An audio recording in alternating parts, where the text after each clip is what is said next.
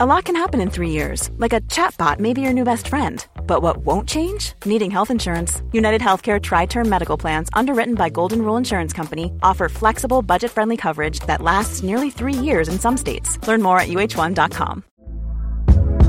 Hey there, it's Michelle Norris. I'm host of a podcast called Your Mama's Kitchen. When I travel, I'm usually looking for a way to find a taste of home when I'm not at home. And one of the things I love to do when I am at home is entertain. And Airbnb allows me to do that. When I was in California recently, I rented a house that had a great kitchen. And when we were sitting around the table, we we're all thinking, we're in someone else's house. Someone could be in all of our homes as well.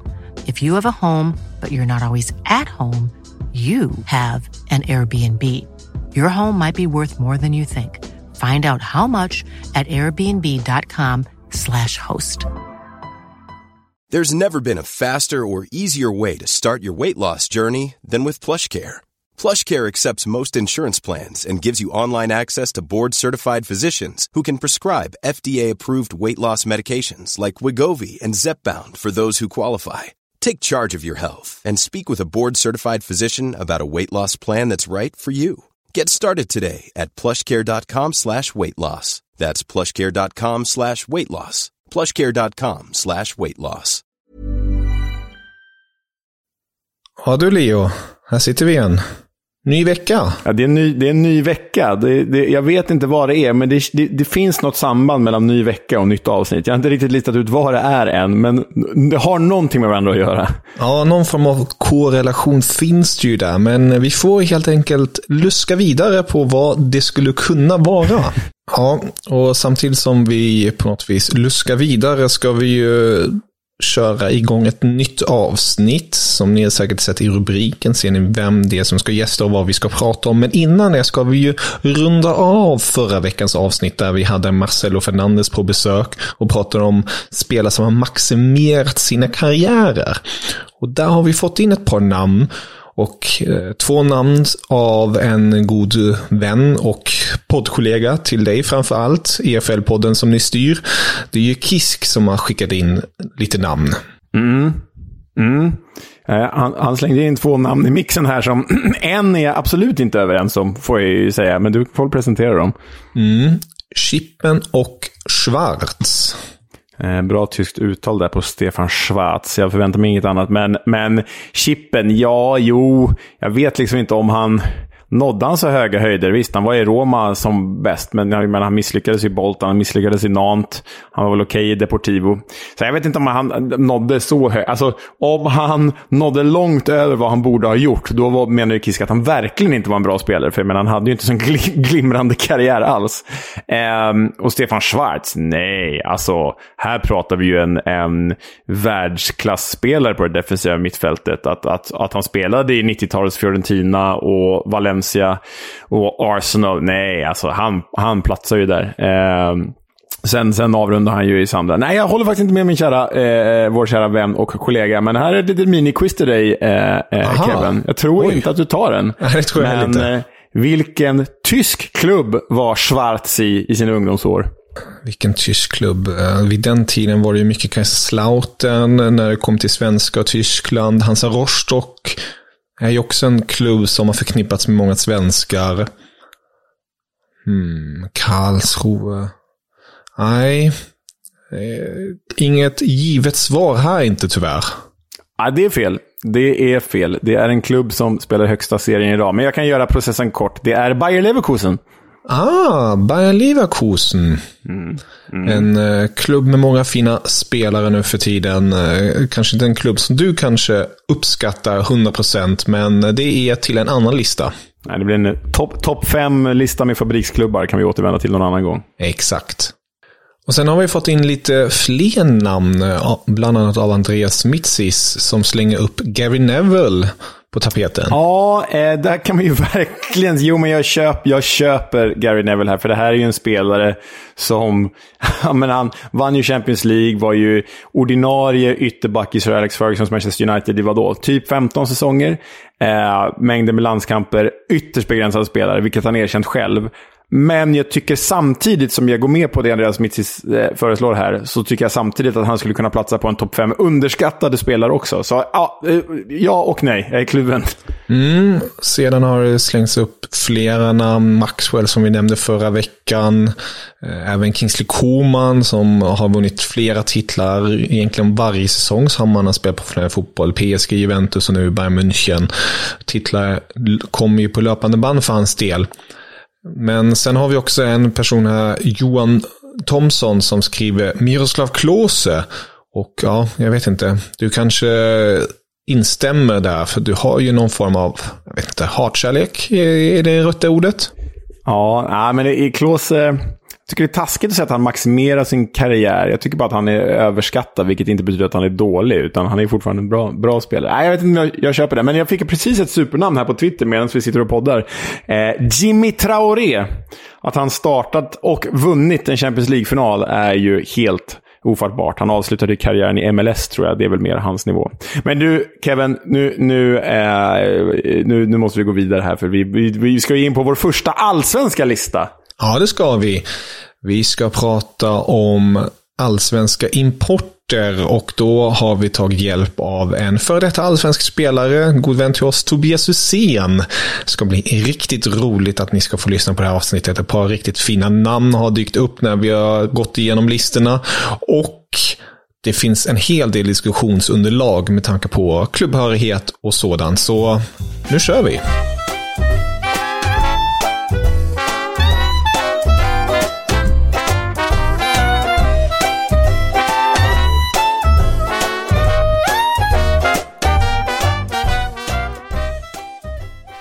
Ja, Leo, nu sitter vi här igen. Ett nytt avsnitt med ett extremt intressant ämne. Ett ämne som kanske jag inte till vardags är så bekant med. Jag är ju som bekant tysk och det är lite som att vara Bambi på hal is när man ska prata om svensk fotboll. Men jag har ju lärt mig lite genom åren och har dig som kollega, då har man ju också snappat upp ett och annat. Men nu ska vi ta oss an den här listan. Hur, hur känns det nu på förhand? Eh, jo, alltså det här ämnet eh, allsvenska importer. Det är ju ett ämne som eh, verkligen förpliktigar skulle jag säga. För det känns som i alla fall, jag har suttit några dagar med den här listan. Vissa listor har man gjort rätt snabbt. Där har man liksom tagit på en kvarts betänketid kanske. Men här känns det som att man bara kan göra fel. För min bruttolista kan, brukar vara kanske 10-15 namn. Den här bruttolistan är liksom 30-40 namn. Eh, och vem man än har lagt in på listan och vem man än tagit ut på listan känns det som att men fan, den, här, den här gamla Häcken-spelaren vill jag ha, ha, ha på listan. Men det går inte. Den här gamla ÖSK-killen måste vara på listan. Så det finns, man kanske inte tror det från början, men när man bara liksom går bakåt genom allsvenskans historia så noterar man att shit vad många bra allsvenska importer vi har haft. Många bra spelare som har kommit utifrån och satt stora avtryck här. Det får man ju säga. Verkligen. Och med oss, eh, ni som har läst rubriken vet redan vem det är. Eh, det är ingen allsvensk import. Det är en, en svensk spelare som har spelat i allsvenskan. Det är ju vår gode vän Tobias Hysén. Goddagens! Ja, god dag, god dag. Hur är det med dig? Det är bra tycker jag. Eh, jag är mellan hämtningar i skolan här. Så att, det gäller att klämma in de här intressanta grejerna mellan de lite mer vardagliga sakerna. Mm, ja, det, det glädjer oss att du eh, gästar här. Och det här ämnet har jag förstått på förhand har heller inte varit så lätt för dig. Hur har du gått det an när du ska göra din topp 5-lista? Eh, ja, det, jag kan ju skriva under det här som, som Leo sa, att vissa listor är lite lättare.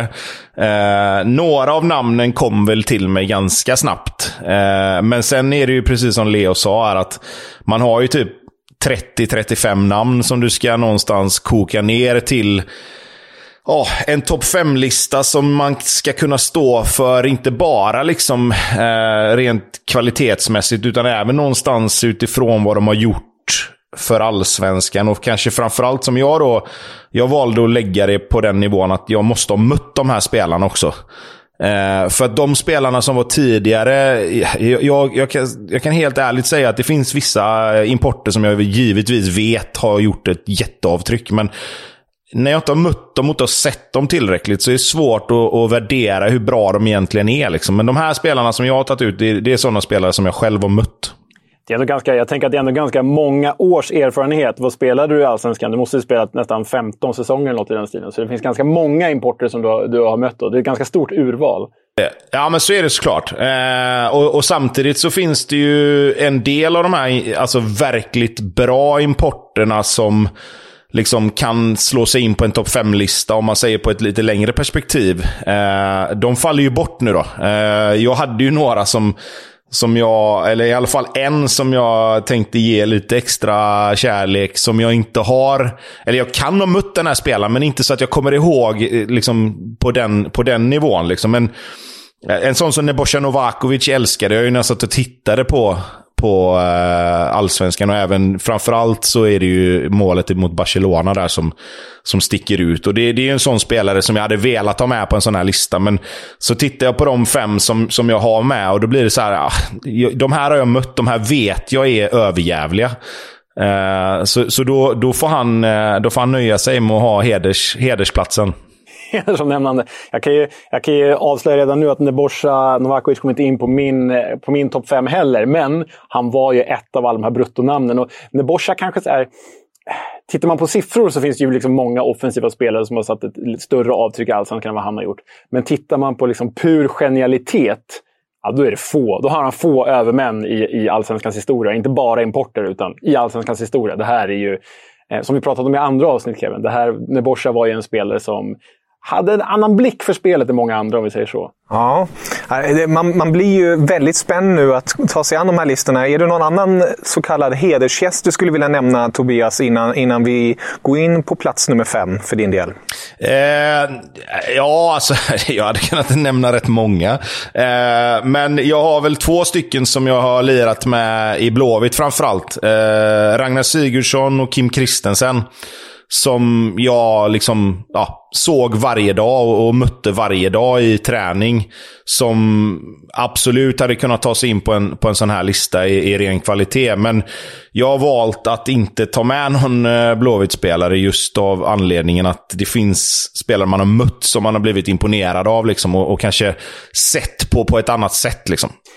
Kim eh, Kristensen, den gamle danske keepern. Eh, jag vet inte om du håller med om det här Tobbe, men, men jag kan tänka mig att han är större i blåvita led än vad han är utanför Göteborg. För utanför Göteborg så minns man ju honom mest för att ha flyttat stolparna. Visst var det Kim Kristensen? Ja, ja absolut. Eh, det, det, var ju, det, var, det var ju Örebro som, eh, som det blev uppmärksammat, eh, kommer jag ihåg. Nej, men så, så kan det absolut vara. Eh, han är nog kanske inte ihågkommen som eh, en av allsvenskans bästa målvakter, om man säger på, på, på det sättet. Men för mig som tränar med honom varje dag och som fick se han liksom dels rädda bollar, men även var han, han var ju en av de första ihop med Per Hansson som var helt otrolig med fötterna. Eh, och, och liksom, han hade ju kunnat liksom spela utespelare i, i våra possessionspel alla dagar i veckan utan att, utan att behöva skämmas för det. Liksom. Och det är väl mer sådana grejer man kommer ihåg. Att han kom, han kom efter Bengan. Eh, det var lite så här, vad, vad, vad kommer hända nu? Hur blir det med målvaktsposten? Och så kommer han in och så är han så otroligt bra för oss som han var då. Liksom. Mm. Ja, nej, det, ja, det, ja, spännande, spännande spel att slänga in här i mixen. Ja, men låt oss då hoppa in i din lista. Vem hittar vi på plats fem, Tobias? Ja, eh, nummer fem för mig är eh, Ivan Obolo. Eh, spelade i AIK. Eh, tror han var i AIK i tre eller fyra säsonger. Eh, men för mig en alltså, otrolig spelare vad gäller spelförståelse. Eh, att, att utnyttja sina styrkor. Liksom. Han var otroligt svår att möta. Nu spelar inte jag back, liksom, men jag kunde se vad han gjorde och jag kunde se hur mycket han liksom påverkade AIKs anfallsspel. Framförallt det året de vann där 2009 så var han ju kanske allsvenskans bästa spelare på sin position i den här lite mer droppande forwardsrollen. Liksom. Ehm, så att Ivan Obolo är min nummer fem. Det är ju ex extremt starkt namn som du är inne på. Det. Både, både SM-guld och cupguld med AIK. Eh, och var ju inte där jättelänge, men eh, den korta tiden gjorde han ju verkligen ett starkt avtryck i, i AIK. Ja, och så här. Eh, min bild av honom var... Jag, är ju, jag är ju liksom, kommer ju här från Stockholmsområdet, inte aik själv, men Eh, haft, haft väldigt många liksom, eh, vänner och barndomskompisar som aik och jag, Få gånger har jag upplevt alltså, att en spelare som kommit utifrån, utländsk spelare, har blivit så snabbt populär i AIK-leden som Ivan Obolo blev. Och, och, Jag vet inte, det kanske hade med hans... För vi pratade om spelintelligens med, med, kring Debosan Novakovic. Det här var ju också en oerhört klok spelare, eller hur Tobias? Han gjorde ju andra bättre bara med sin blotta närvaro egentligen. Ja, men, ja absolut. Och, och sen, men sen också just utifrån hur AIK, tycker jag, valde att spela just under, under den tiden Åbolo var där. Han, han var ju liksom navet i allt som hände offensivt. Var, var en uppspelspunkt, kunde vara en avslutspunkt i anfallen. Han, han kunde droppa ner lite längre ner och hämta boll i vissa perioder när inte spelet fungerade riktigt. Och, och, och den dynamiken som det gav AIK i, i det spelet var, var otrolig. Och framförallt 2009, liksom när, när, eh, när vi slogs med AIK hela vägen in där, så var han helt fantastisk. Så jag tycker att utifrån att lite grann precis som du sa, men, men när jag har valt mina spelare också så har jag lite grann, som jag sa där, gått på vilka jag blivit imponerad av och liksom kommer ihåg på det sättet. Och då är ju Ivan Obolo en sån spelare som jag tänkte, fan det ser så jäkla enkelt ut när han spelar. Ja, det, är, det, det är en talang i sig att kunna göra saker och det bara ser enkelt ut. Det, det hade man velat ha. Ivan Obolo säger Tobias. Eh, vem hittar vi på din femteplats, Leo? Ja, ett tag hade jag faktiskt Ivan Obolo just där. Men jag gillar att göra om eh, listor i, i sista sekund och så. Nej, men Ivan Obolo, skulle jag, skulle jag ha en topp 6-lista så skulle Ivan Obolo dela den med, den platsen med Alvaro Santos, tror jag. Men, men nu är, är varken Ivan Obolo eller Alvaro Santos med på min eh, topp 5. Två Eh, fenomenala fotbollsspelare. Men jag vill bara säga så här. Du, eh, eh, Tobbe, du utgår ju från att du har mött de här spelarna. Jag har förstås inte mött någon. Så jag, när jag satt med och ritade upp alla de här namnen så kände jag att jag behövde dela in dem i olika kategorier. Och här kommer jag liksom namnge några exempel på spelare i olika kategorier för att sen liksom få ner det till den lista som, som eh, jag faktiskt har eh, knoppat ihop. Men en kategori importer för mig, det är liksom de här självklara namnen. Spelare med enormt stort renommé. Som har stor och fin karriär innan de kom till Allsvenskan. Men kanske inte riktigt lyckades här. Jag tänker på Ibrahim Ba, Djurgården, alltså eh, världsmästare och spelat i Milan, men inget stort avtryck i, avtryck i Djurgården förutom den karaktär han var. Jag tänker på Diego Lugano i Häcken, uruguayansk landslagsmittback som ja, bara hade några matcher på sig i Häcken. Jag tänker kanske framförallt på Jari Littmanen, som är väl på pappret är den bästa import vi, vi någonsin haft i Allsvenskan. Men som bara gjorde tio matcher för MFF för att han var för skadad. Men som under de tio matcherna flöt fram, spelade gåfotboll och var ändå bättre än alla andra. Men det är liksom lite för lite, det är för kort tid, tio matcher, för att man ska platsa här. En annan kategori är liksom de spelare som hade stora renommen och stora karriärer tidigare och sen kom hit och lyckades. Jag tänker på Arnor Gudjonsen i Örebro, Vadim Jevtusjenko i AIK. Liksom, ja, ni hör, det kommer finnas olika kategorier. Sen har ju du redan nämnt en, Ragnar Sigurdsson, spelare som satte stort avtryck i allsvenskan, men som kanske inte riktigt lyckades utanför allsvenskan på den högsta nivån. Förutom i landslaget då, förstås. Eh, och så har jag redan nämnt en själv då, spelare eh, som kanske hade den absolut högsta nivån av alla de här vi kommer nämna, men som hade det under alldeles för kort tid för att komma in på listan. Och då är det min älskade Alvaro Santos. De tre första åren i HIF var ju liksom... Äh, det var ju något helt annat. Alltså han, han gjorde något så här mål mot Örgryte när han dribblade den på huvudet som en, som en säl innan han eh, drar dit den på, på halvvolley. Eller Igor Sipniewski för den delen i, i HBK. Enormt hög högsta nivå, men presterade som bäst under en ganska begränsad period. Därför kommer vi inte in på den här topp 5-listan. Det har en väldigt lång utläggning här. Men eh, det som jag främst har varit ute efter är spelare som har liksom lyckats i allsvenskan och lyckats efter allsvenskan utomlands. Eh, min plats fem är dock ett avsteg från det här. Nu kommer den. Lång utläggning, förlåt. Men eh, Miroslav Kubistal i Örebro. Kommer du ihåg honom Tobbe? Ja, ja, oh ja. Det är ju hela, det är hela Örebros supporterkultur är väl uppbyggd på honom eftersom de kallar sig för kubanerna efter det va? Ja, exakt. Det är för otroligt bra namn på, på en supportorganisation får man, får man ge. Men alltså, Miroslav Kubistal kom till Örebro 1991. Polsk anfallare med landslagsmeriter, i alla fall en landskamp. Eh, och han blev ju Örebros bästa målskytt fem år i rad gör ju totalt 58 mål på 158 eh, allsvenska matcher för Örebro. Och det är ju ett bra facit. Men som du sa här Tobbe, han var ju, han var ju större än målskyttet. För döper man hela supporterorganisationen efter en spelare, ja, men då är man ju, det är man ju störst. Och eh, han förde ju dessutom upp Örebro till toppen av allsvenskan. Kämpade ju faktiskt om det allsvenska guldet 1994 med världslaget IFK Göteborg. Alltså IFK Göteborg gjorde ju avtryck i Champions League och Europa. Och Örebro var två poäng från att vinna allsvenskan det året med Miroslav Kubistal. Så ja, polsk pionjär på femte plats. Cool fact a crocodile can't stick out its tongue. Also, you can get health insurance for a month or just under a year in some states. United Healthcare short term insurance plans, underwritten by Golden Rule Insurance Company, offer flexible, budget friendly coverage for you. Learn more at uh1.com.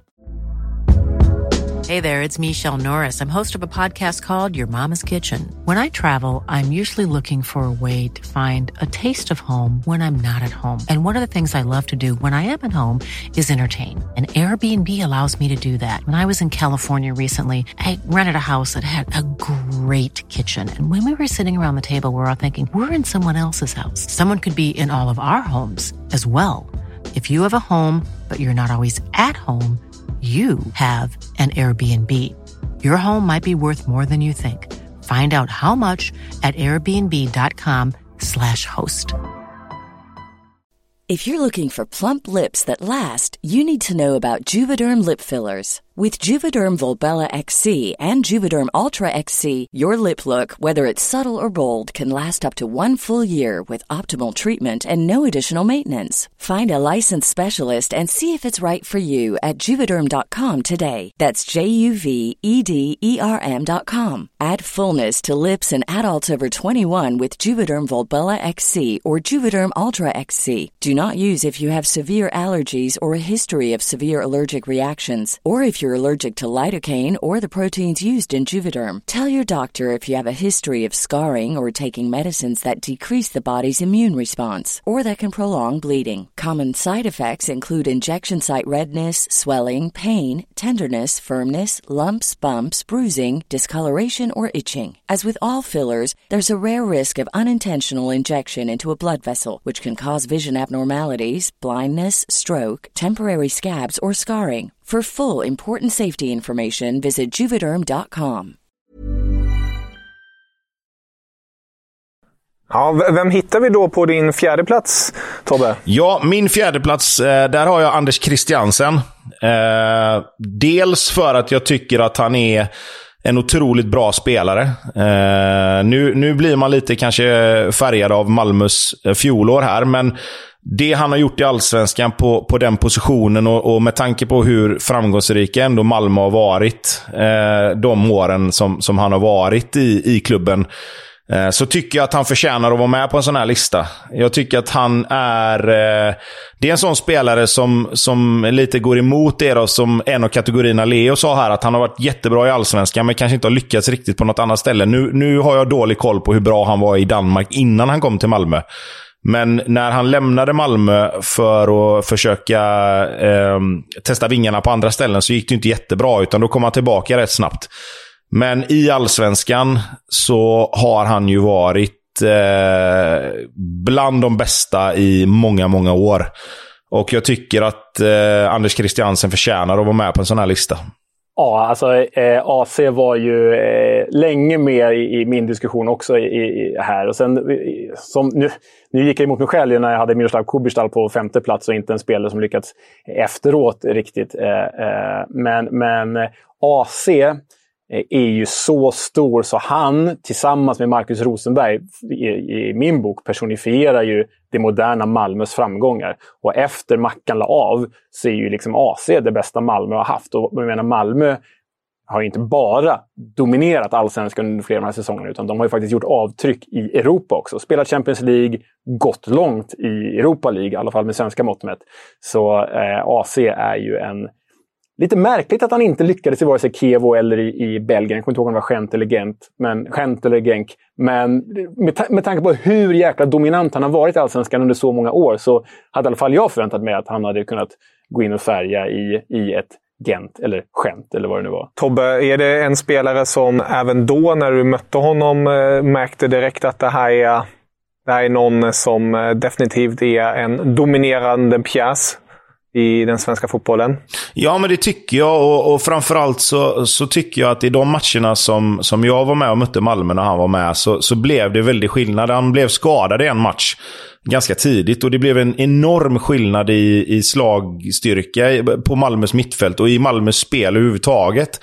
Eh, vi pratade om Marcus Rosenberg och hur viktig han har varit för Malmö sedan han kom tillbaka. Och jag tycker att det är lite samma med AC på något sätt. För att deras spel bygger så mycket på att dels när de båda två spelade så var det ju såklart att då, då hittar de ju varandra rätt bra. Och det är klart att två så viktiga spelare, dels ledarmässigt på plan, som kanske Marcus Rosenberg mer var än AC kanske. Men jag tycker att han har varit så instrumental i det sättet som Malmö vill spela och man har märkt så tydligt under så, mång alltså, så många år och så många gånger när han inte har varit med att det inte riktigt klaffar för, för Malmö. Nu, nu kan man argumentera för att det var, nu var han ju på plan i år rätt mycket och det har inte gått bra ändå. Men innan i år så har det varit väldigt tydligt att när AC inte spelar så funkar inte Malmö på riktigt samma sätt. Och då är det under en period, precis som vi pratade om, där Malmö har varit mer eller mindre överlägsna.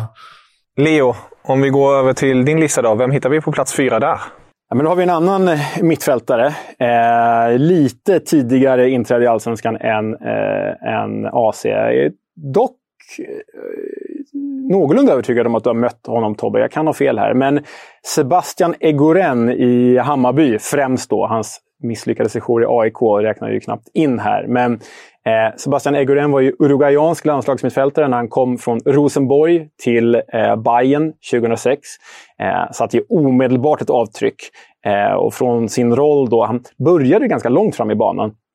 Eh, eh, men eh, sen eh, fick han kliva liksom, lite längre ner på mittfältet och, och då lossnade det rejält. Han gör alltså åtta mål eh, säsongen 2007 och var väl liksom det årets mest framstående mittfältare. Det beror väl på om man räknar Cesar Santin som mittfältare eller anfallare i och för sig. Men, men, eh, Nej, men det avtryck som Egoren satte, man såg att det här var en bollbehandling, en teknik och en blick för spelet som många i allsvenskan inte besatt. Och, och han lämnade ju eh, Hammarby efter eh, 36 matcher och 13 mål i allsvenskan. Ganska kort session då. Men lämnade Hammarby för Villarreal. Där han bara klev in och blev ordinarie. I Villarreal, ja, det här var ju liksom ett det var inte ett eh, lag för undre halvan i La liga. Det här var ett bra Villarreal.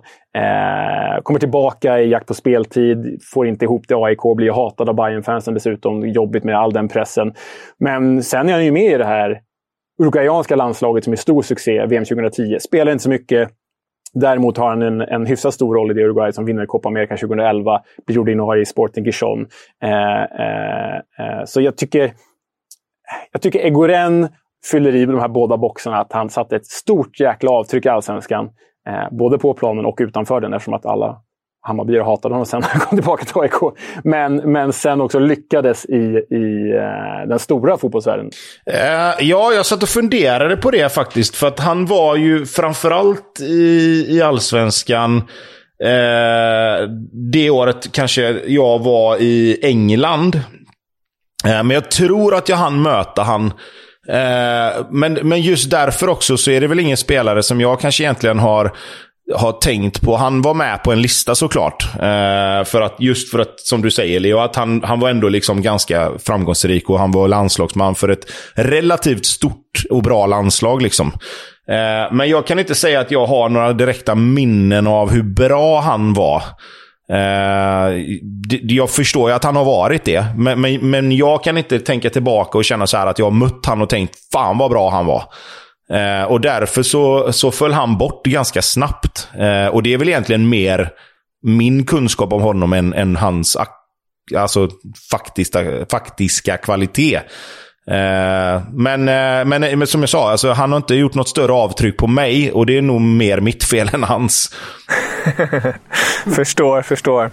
Men om vi, vi lämnar nu de här femte och fjärde platserna och går till de fina, fina pallplatserna. För nu kommer vi till plats tre, Tobias. Eh, och nu börjar det hetta till. Namnen börjar bli mindre och mindre och ja, blir tuffare. Vem, vem hittar vi på plats tre hos dig? Ja, här har vi en spelare som jag mötte relativt ofta ändå. Eh, och här har vi en spelare som jag kanske tar med mest för att hans högsta nivå var helt otrolig. Eh, och det är Wanderson do Carmo som var i Gais. Eh, han gjorde väl inget större intryck i allsvenskan när han sen kom tillbaka och spelade i Helsingborg. Men, eh, men när han var i Gais så var han fantastiskt bra. Alltså, som jag sa, den högsta nivån som han besatte när han dels var en spelare som kunde spela som nummer 10 och, och, och länka med, med både forwards, mittfält, yttermittfältare. Eh, dels avslutare, han kunde skjuta frisparkar, han slog fasta situationer.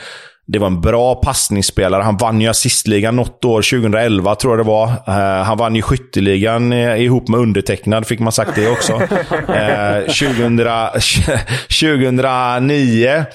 Eh, nej men jag tycker att alltså, i sina bästa stunder så var Wanderson en sån spelare som han, han var uppe på nivå med de allra, allra bästa spelarna som har spelat i Allsvenskan.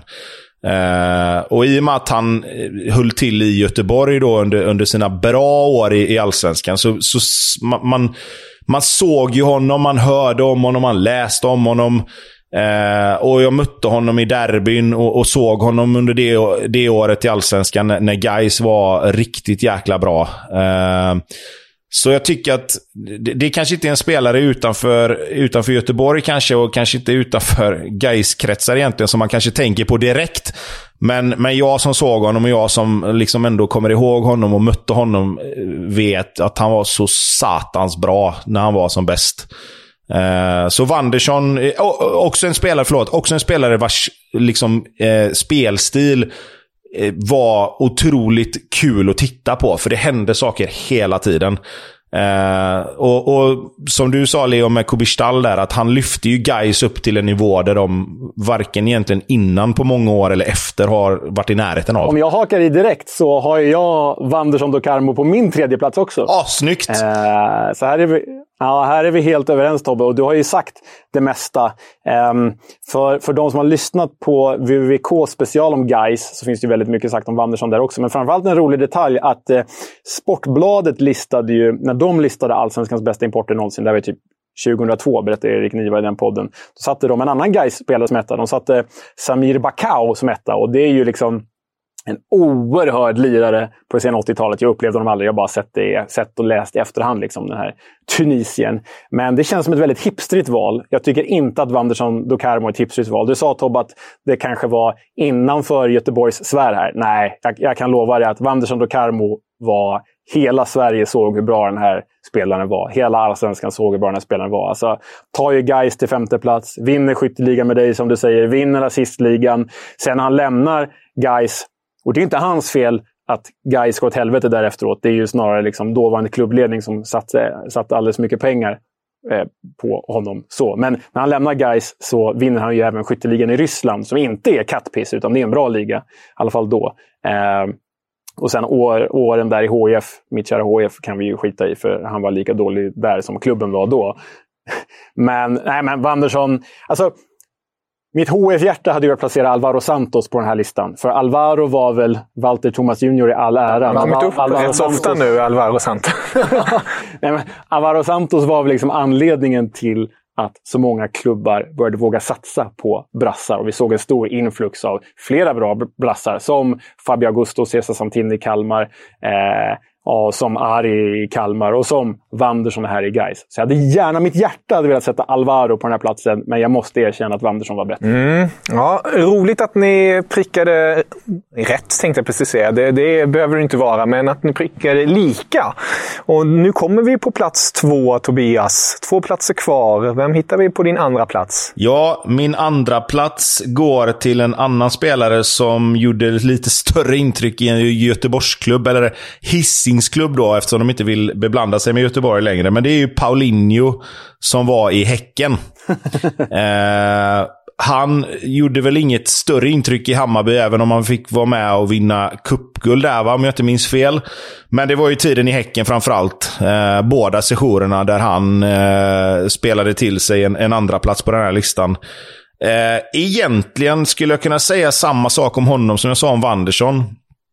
Eh, hjälpte till att ta Häcken eh, från att vara ett litet jojo-lag till att eh, bli etablerade i allsvenskan först och främst och sen även vara med och utmana om eh, SM-guldet under, under eh, enstaka perioder. Eh, nu fick han inte vara med och vinna SM-guld med Häcken, men han vann ju eh, Häcken-publikens hjärtan ända tills han gick till Hammarby egentligen, tror jag. Eh, men otroligt bra spelare. Samma sak som Andersson. Kunde operera i, i tia-rollen. Var väl framförallt som bäst när han fick utgå ut, ute till vänster. Eh, och, och utmana försvaret därifrån. Komma in, skjuta, komma in, hitta kombinationer. Eh, var väl ingen def, var inget defensivt as, som eh, Micke Star hade sagt. Men han var ju otroligt bra, framförallt i omställningsspelet för Häcken. Låg och fuskade lite, fiskade lite och direkt när Häcken vann boll så satte man bollen på honom och så skulle han starta det som blev livsfarliga kontringar. Eh, gjorde en jäkla massa mål. Alltså, bra på fasta situationer även han. Otrolig avslutare. Eh, så att Paulinhos avtryck och även där då kanske utifrån hur mycket han betydde för klubben BK Häcken. Eh, att verkligen, verkligen bli en allsvensk förening att räkna med. Som sen i längden ledde till vad som hände eh, förra året. Eh, det tror jag inte de hade löst om det inte hade varit för Paulinho. Ja, och Paulinho, eh, han fanns med på min bruttolista förstås också, men eh, bara för att fylla i här. Alltså, det kanske den bästa avslutaren allsvenskan har sett i modern tid. Eh, med all respekt Tobbe. Ja, det tur du sa det själv. nej, men, han gör ju alltså, I sin andra session i Häcken då gör han 60 mål på 98 matcher. Vad är det för facit? Alltså, det, det, vad är det för facit? 60 på 98? Äh, det, det är sanslöst. Och dessutom, hans liksom stora legacy här är ju att han är ju numera Paulinho med den allsvenska publiken. Före, var, före honom var det Paulinho Guara som var Paulinho med den allsvenska publiken. Men så klev Häcken Paulinho in och då fick Paulinho Guara bli Paulinho Guara istället. Så nej, otrolig spelare här. Jag, jag, jag köper helt att han är med på din lista Tobbe, även om han inte är med på min. Ja, vem är då på din andra plats, Leo? Ja du, här har jag gått lite bak till det glada 90-talet igen. Eh, och det här är ju en spelare som eh, inte fyller i det krav jag satte på min topp 5-lista. Men han har liksom inte eh, levererat i Allsvenskan och sen efter. Du tycker om att gå utanför ramarna, trots att du sätter dem själv. ja, precis. Äh, men, eh, jag vill ha in en rejäl... Det är lätt att man landar på anfallare här, för det är ju den finaste av positioner. Även om jag är mittback själv. Men, eh, men eh, det är lätt att man landar på anfallare. Men jag vill inte göra det. Jag ville få in en mittfältare här. Och då hade jag namn som Atiba Hutchinson kanske kunnat dyka upp. Eller AC som Tobbe har dragit. Eller eh, varför inte Celso Borges hade kunnat vara med. McDonald Mariga som hamnade i en Champions League-final efter tiden i HIF. Det finns många bra mittfältare. Men den som kanske betydde mest för sin klubb och stod ut mest var ju Milenko Vukcevic. Gamla jugoslaven som eh, hamnade i Degerfors.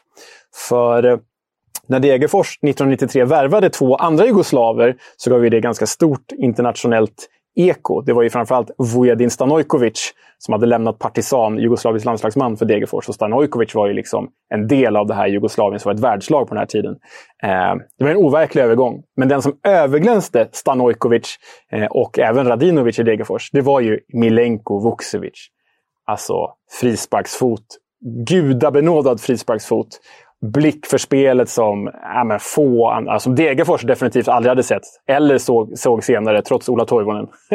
men, men eh, nej, Milenko Vukcevic, det var... Alltså, lilla Degerfors vinner ju Svenska Cupen 1993 med hjälp av Milenko Vukcevic. De mäter sig med Parma i cupvinnarcupen och det är världslags-Parma tack vare Milenko Vukcevic. Han gör 38 baljer på 149 matcher på Stora Valla. Alltså, äh, det här är oh, svår att överträffa vikt för betydelsen av, eh, hos en klubb.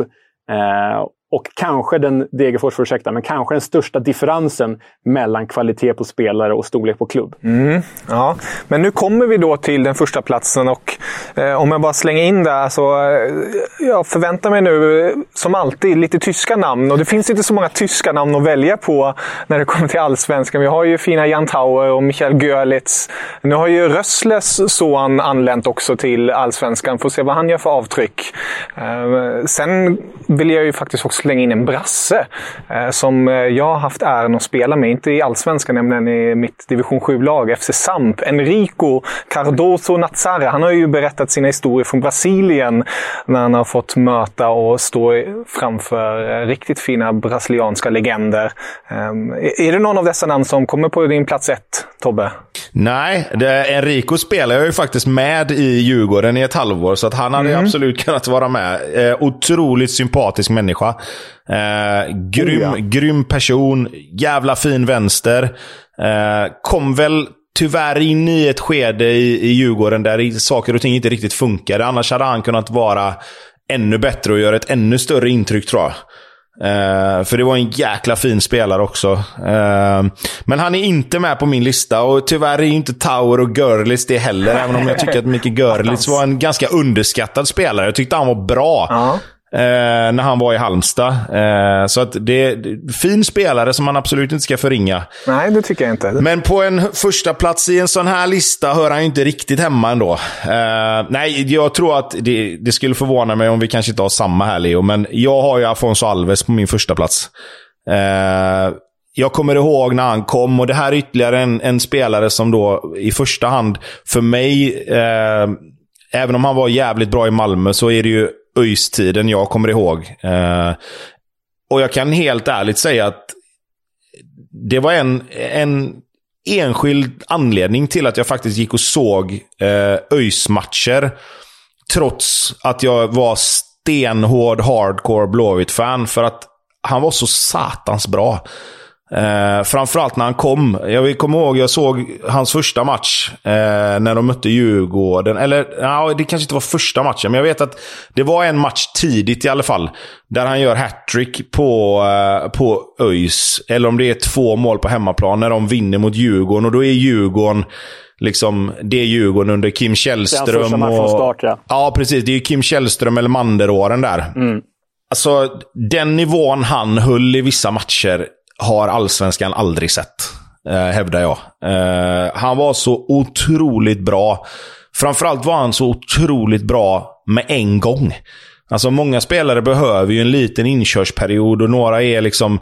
Ja, men det tar något år eller två innan de kommer igång. Men han gick ju in och körde skit från minut ett.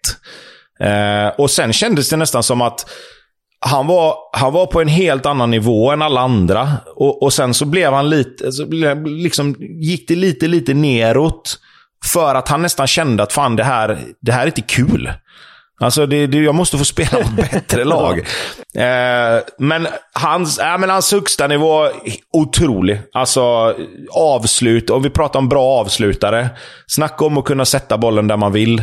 Både på frisparkar. Han var en av de första spelarna som, som kom in i allsvenskan med den här liksom, träffen på bollen som wobblade lite. Det var väl Kennedy egentligen. Eh, så, som, hade, som var ensam med det innan, där, där bollen kunde hamna lite var som helst. Eh, sen kom Afonso och så ja, tog, tog nivån till, till, en, till en ny nivå. Liksom. Alltså, aldrig sett en så bra spelare som, som han var. Eh, ja, otroligt. Alltså, otrolig spelare. Ja, och eh, du har ju helt rätt när han är etta på min lista också. Jag jag vet inte hur du brukar skriva listorna, men jag brukar liksom gilla att skriva dem så här eh, baklänges. Alltså från femte plats, fjärde plats, tredje plats. Men den här gången så skrev jag Afonso Alves första plats före jag gjorde resten av bruttolistan ens. Och så stod han där i ensamt majestät innan jag fyllde på med andra namn. Så nej, det, alltså, jag kan bara skriva under på allt du säger. Och det här med att han faktiskt levererar direkt också, där hattricken mot Djurgården i sin första start. Tänk att komma från brasilianska Belo Horizonte, liksom semesterparadis, eh, i alla fall. Ja, det är varmt åtminstone. Till ett, du får ursäkta, regndaskigt Göteborg och, och Öjsgården och bara dominera direkt. Han måste ju på riktigt undrat vad han gjorde där, men han gjorde ju så ofantligt bra tillsammans då med Paulinho Guara bland andra. Tog väl Örgryte till tredje plats då den första säsongen, gör 13 mål på 18 matcher. Tar Malmö FF med sina 12 mål till, eh, till deras första guld på 15-16 år. Liksom. Alltså det är ett enormt avtryck. Och man hade verkligen kunnat slänga in fler MFF-spelare på den här listan. Man hade kunnat ha AC, man hade kunnat ha Jari Littmanen, man hade kunnat ha Peter Idje. Man hade till och med kunnat ha Joninge Höjland tror det eller ej, men det hade man kunnat haft. Men, men Afonso Alves är, som du säger Tobbe, en nivå över alla. Wow! Jäkligt kul att få, få höra din lista Tobbe och självklart också din lista Leo. Två riktigt fina listor. Ni, ni kom ihop där på slutet, träffade varandra i mitten eh, och vi fick ta del av ett par riktigt starka profiler. Det är brassarna som enar oss. Ja, brassarna enade er. Eh, inga tyskar som vanligt. Leo, du får, du får göra läxan. Tusan, det enda du kan göra med tyskarna är att såga Jag, gillar, jag, jag älskar Michel Ballack. Ge mig en Ballack-lista så, så Ja, jag ska lösa en ballacklista så att eh, jag får mina tyskar. Eh, Men eh, med det sagt, ni lyssnare, skicka gärna in era listor. Ni kan skicka det via mail, kevin.bade.tv4.se eller via sociala medier. På Twitter är det enklast. Och Tobbe, stort, stort tack för att du vill gästa och du är hjärtligt välkommen att återkomma med kanske en annan lista. Ja, men varför inte? Det kanske kan vara en lista där det inte finns eh, 30-40 namn då, utan vi kan väl, eh, vi kan väl hålla oss till tys- de bästa tyska spelarna i Allsvenskan, så går det lite snabbare kanske. Fantastiskt. Ja, men sköt om dig Tobbe så, så hörs vi. Ja, men tack själva. Ha det så bra. Ha det bra. Auf Wiedersehen.